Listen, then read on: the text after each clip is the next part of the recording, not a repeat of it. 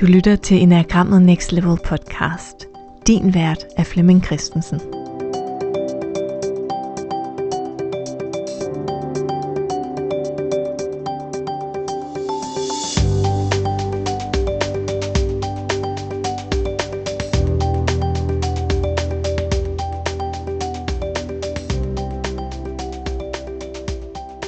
Velkommen til den her episode i podcasten Enagrammet Next Level. Det er en episode, der er en del af en serie, som handler om, hvordan vi sådan professionelt i vores arbejdsliv kan arbejde med den indsigt, som enagrammet giver os. Jeg har i dag tænkt mig at tale om type 3. Både i rollen som teamdeltager og som teamleder. Man kan jo sige, at type 3 i os alle sammen er den, der har lyst til at drives af og komme i mål og rykke på tingene og ikke spille sin tid og ligesom være handlekraftig. Man kan sige, at handlekraften den, øh, den øh, sætter følelserne lidt til side hvor træerne ligesom tænker, ah, det der følestas, det er sådan nogle øh, unødvendige bump på vejen, der faktisk bare sætter hastigheden ned. Det er også sådan, at hvis vi skal være alt for øh, følsomme, eller alt for personlige, så vil jeg næsten føle, at det bliver privat.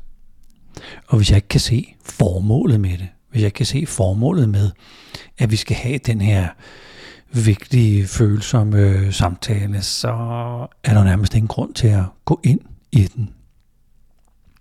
Og sådan har jeg det med de fleste ting, at hvis der ikke er et mål med det, et formål med det, så kan jeg ikke rigtig se fidusen ved at gå ind i det. Hvis vi har en øh, kollega, der bor i det her univers, så vil det være en kollega, der er selvkørende og selvdrevet, pragmatisk, og den, der sådan hurtigt kommer i mål, eller hurtigt, hurtigt får tingene løst. Så det her med at være fleksibel og smidig og øh, mm, ja, bøjelig i at øh, løse opgaverne, gør, at jeg får løst rigtig, rigtig mange ting. Og den her træerprofil får rigtig, rigtig, rigtig mange ting for hånden. Hvis du selv bor i øh, træer-universet, så kan du godt lide, at der sker noget. Du vil også øh, have sådan et øh, fokus på, hvor kan det her bringe dig hen? Hvad handler, hvad handler den her opgave om? På hvilken måde kan den støtte dig i dine øh, gøremål? Det vil også være sådan, at du mm, vælger, vælger opgaverne med omhu. Man kan sige, at der er jo ikke nogen grund til at starte en opgave op, som man ikke kan komme i mål med. Så er der også en eller anden form for hmm, øhm, politisk bevidsthed, øh, realistisk øh, bevidsthed, øh, opgavemæssig øh, bevidsthed, som, som gør, at du som træer lynhurtigt kan se ind i en opgave og sige, det her, det bliver en succes. Det er lige mig. Hvis vi har en leder, der bor i det her træer-univers, så vil vi også øh, se en meget drevet leder, som kan komme ind til møderne og sådan allerede øh, med døren åben og inden alle har sat sig ned, state, hvad målet med det her møde er, hvad vi skal ud af det her møde, og nu er der ikke nogen grund til at spille vores tid. Og alt det her chit-chat med, nå, hvordan er det så gået i weekenden, og hvordan har I det ellers? Det er ikke nødvendigvis øh, der, træerlederen øh, har sit fokus. Fokus ligger på execution. Altså, som ordet betyder at slå noget ihjel. Altså slå opgaverne ihjel, så de aldrig nogensinde dukker op igen. Så fremdrift, eksekvering, fokus på målet, få nået noget. Det vil være det, vi møder fra træerlederen. Hvis du selv hører til i træeruniverset og bestrider en rolle som leder, så vil du sådan øh, have lyst til, at folk var selvkørende ligesom dig. At folk tog initiativ ligesom dig. At folk var, havde sådan en plastisk måde at have deres hjerne til at fungere på, hvor man hele tiden ser løsninger. Og du er jo ikke en brokker. Så når folk begynder at brokke sig, så har du sådan øh, den her indbyggede fornemmelse af, yes, kunne vi se løsninger? Kunne vi øh, finde mulighederne? Kunne vi finde en vej frem? I stedet for at spille vores tid med at tale om alt det, der ikke kan lade sig gøre. Så det er der handlingsmode, der vil ligge ind i dig som træer, vil naturligvis nok komme til at skinne igennem. Hvis man skal komme med nogle tips eller nogle gode idéer til, til dig, der bor i det her tre univers og er deltager i et team, så vil man øh, formodentlig kunne invitere dig til at, at inkludere de andre. Nogle gange vil man sige, at træerne har sådan lidt, lidt den her enlige, enlige ulv-adfærd, hvor jeg klarer den selv, jeg ordner det selv, jeg har ikke brug for nogen. Men et team, der hjælper vi hinanden, vi spiller hinanden gode. Og det er i teamet, vi spejler os, så man kan se sig selv, og på den måde lære noget nyt. Hvis du modtager feedback, vil du formodentlig høre det som kritik. Så et fif vil være at være rigtig, rigtig nysgerrig på at være opsøgende over for feedback, så du på en eller anden måde kan være styrende omkring det, I taler om, rent feedbackmæssigt.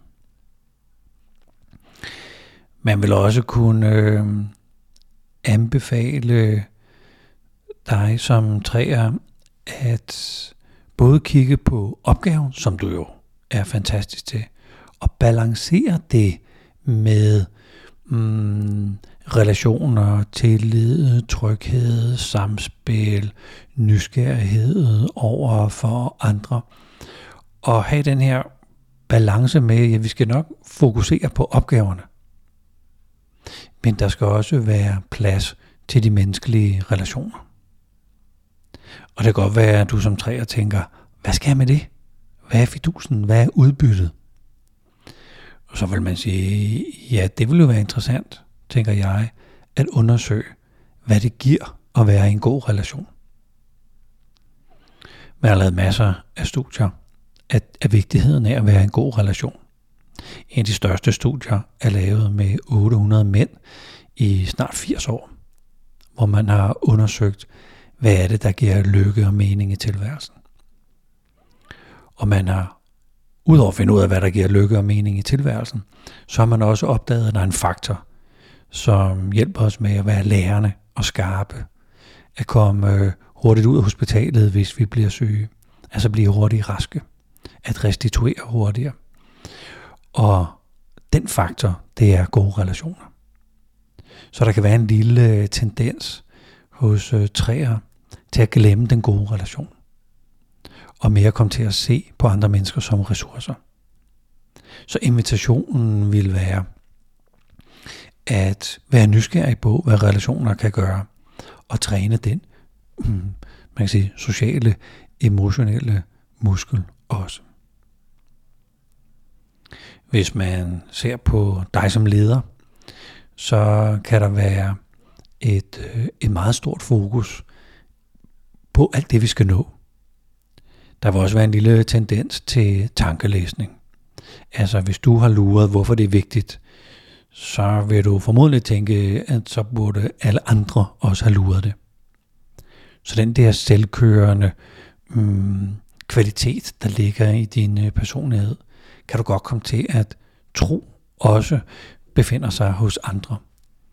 Og nogle gange skal man jo altså fortælle den samme ting syv gange, før at andre har fået det fulde perspektiv med, og kan engagere sig lige så fuldt ud, som du gør i tingene. Man vil sige om træer, hvilket man nu også vil sige om syv og otte ledere, at de sætter 20% flere projekter i gang, end der egentlig er tid til. Så der er jo altså også et ekstraordinært pres fra træerlederen på resten af organisationen om at levere og præstere. Og fordi jeg selv som leder giver den maks gas og er super produktiv og super effektiv, så tror jeg ligesom, at alle andre er indrettet ligesom mig. Og tænker, at det, der er vigtigt for mig, det er naturligvis også vigtigt for alle mulige andre. Hvis vi lige skal runde af med den kvalitet, der ligger i træernes univers, eller det her nervesystem, eller, eller de strategier, der ligger i den personlighed, så er det noget, vi alle sammen har. Altså det her med lysten til at skabe noget og gøre noget. Lysten til at betyde noget. At det, jeg laver, det gør en forskel. Det er en, øh, en længsel efter at bruge mig selv og sætte mig selv i spil og ikke spille mit liv.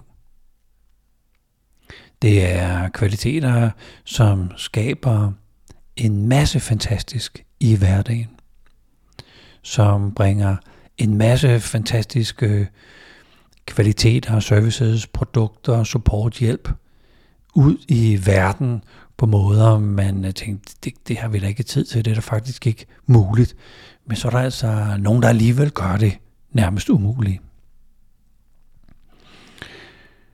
Så der er man kan sige, en, øh, en, en, en væsentlighed i træernes kvaliteter, ligesom der er i de øvrige otte kvaliteter.